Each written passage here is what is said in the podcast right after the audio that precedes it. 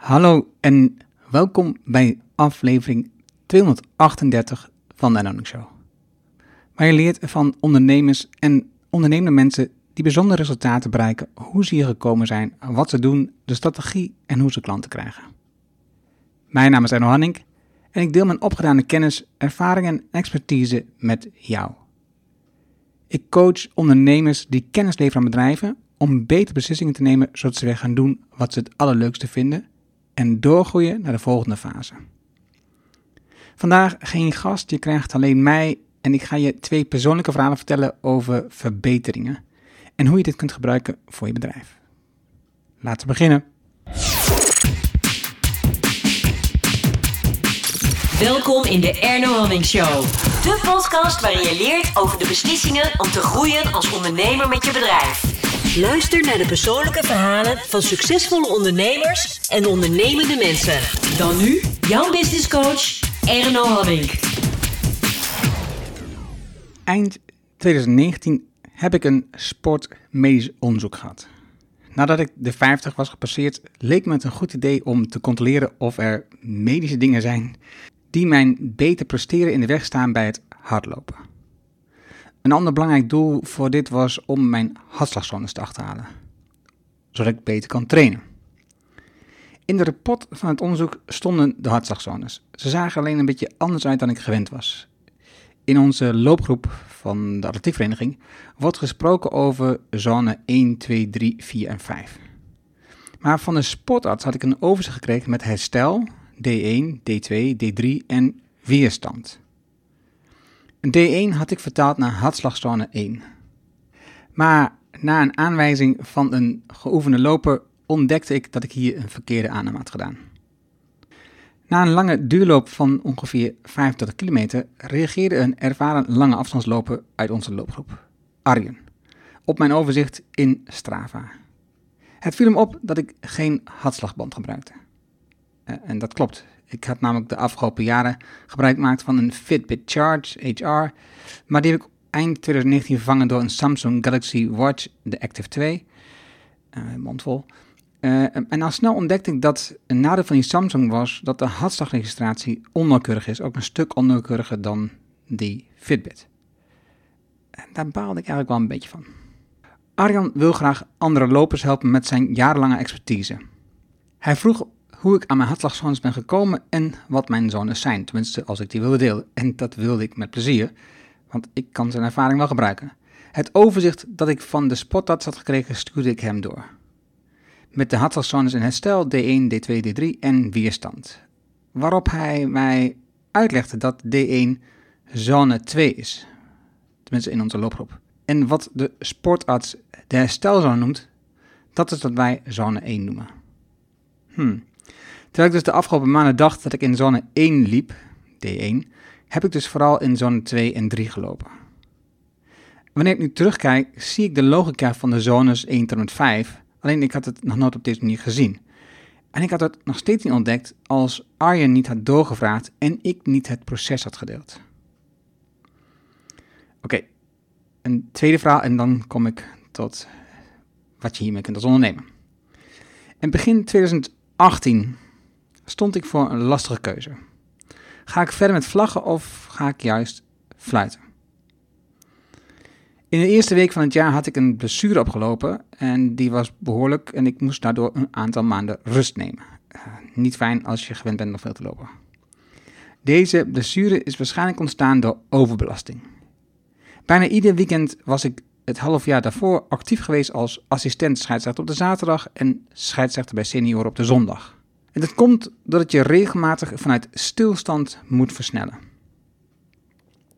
En dan de volgende dag weer op het veld staan als scheidsrechter, kregen mijn beenspieren te weinig tijd voor herstel. Tenminste, dat is mijn conclusie.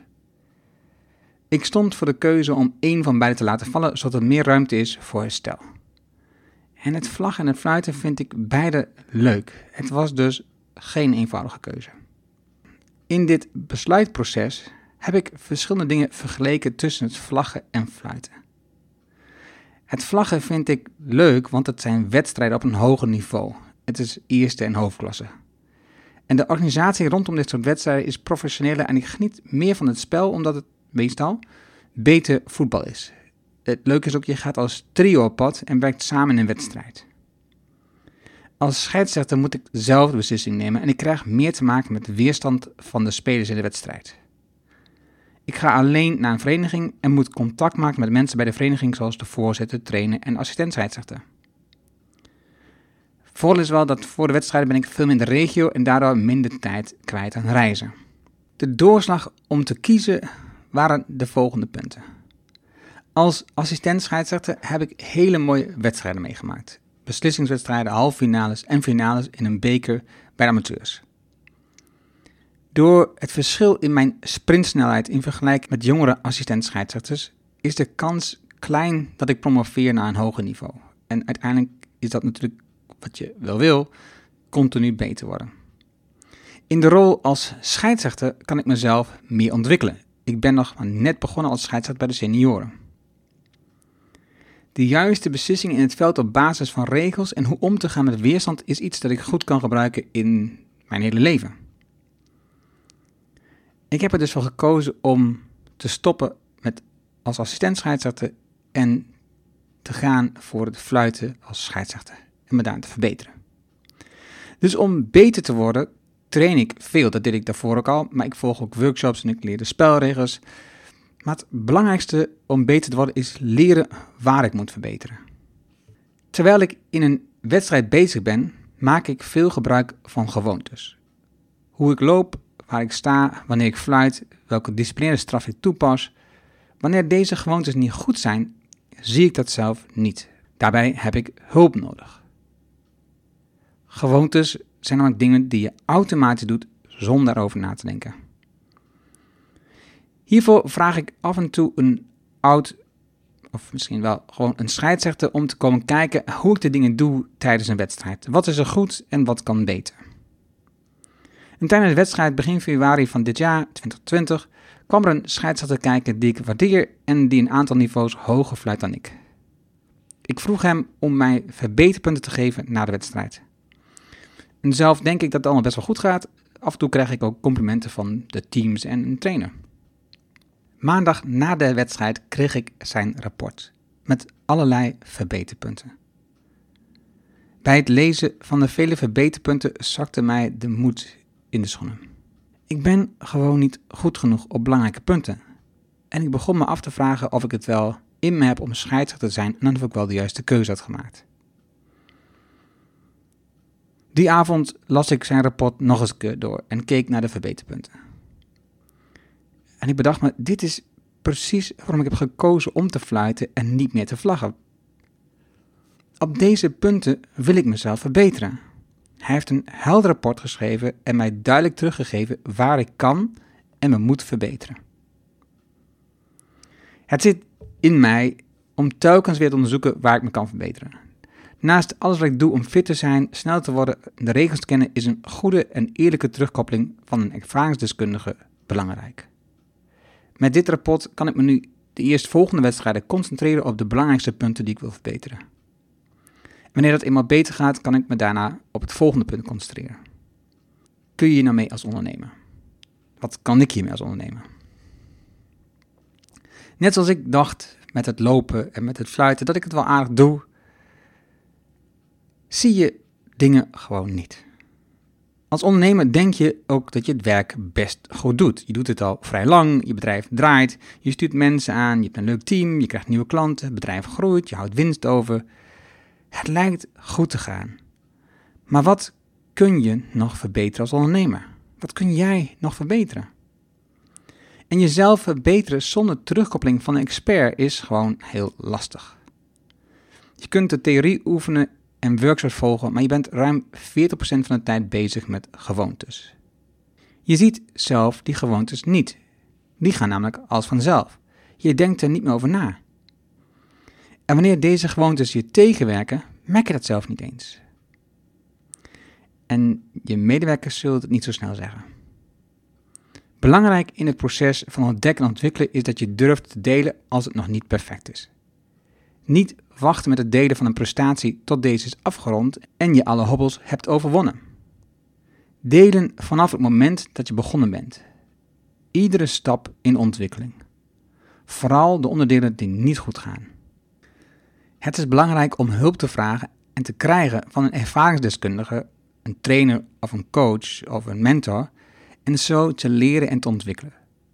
Soms weet ik niet eens welke vraag ik heb, maar ik krijg door het proces te delen waardevol advies.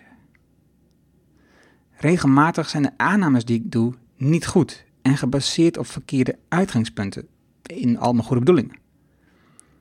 Een goede trainer of coach geeft me dan inzichten die ik zelf niet zag. Dit geldt voor mij in het hardlopen, wanneer ik het geschreven heb, in het fluiten, maar ook in het schrijven, in podcast maken, in video's maken, in het ondernemen en alles waarin ik mij wil ontwikkelen. Stel, jij nodigt een ervaren ondernemer uit om een paar keer per jaar met je mee te kijken.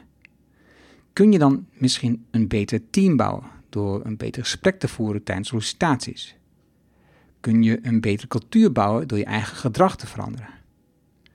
Kun je meer winst overhouden door meer omzet te verdienen? Kun je meer klanten behouden en meer nieuwe klanten werven door andere gesprekken, andere verkoopgesprekken? Laat die vragen eens op inwerken en bedenk dat die voorbeelden die ik net gaf voor de sport ook gelden voor mij als ondernemer. En ik gok ook voor jou. Um, wat kun je doen? Je kan een coach inschakelen, je kan een mentor inschakelen, je kan een mastermind, uh, mensen uit je mastermind vragen om advies. Maar gebruik andermans ogen om te leren waar jouw valkuilen zitten, waar jouw blinde vlekken zitten, waar jouw verbeterpunten zitten. Veel plezier ermee. Uh, heb je opmerkingen over, wil je feedback geven mij, doe dat. Ik hou ervan.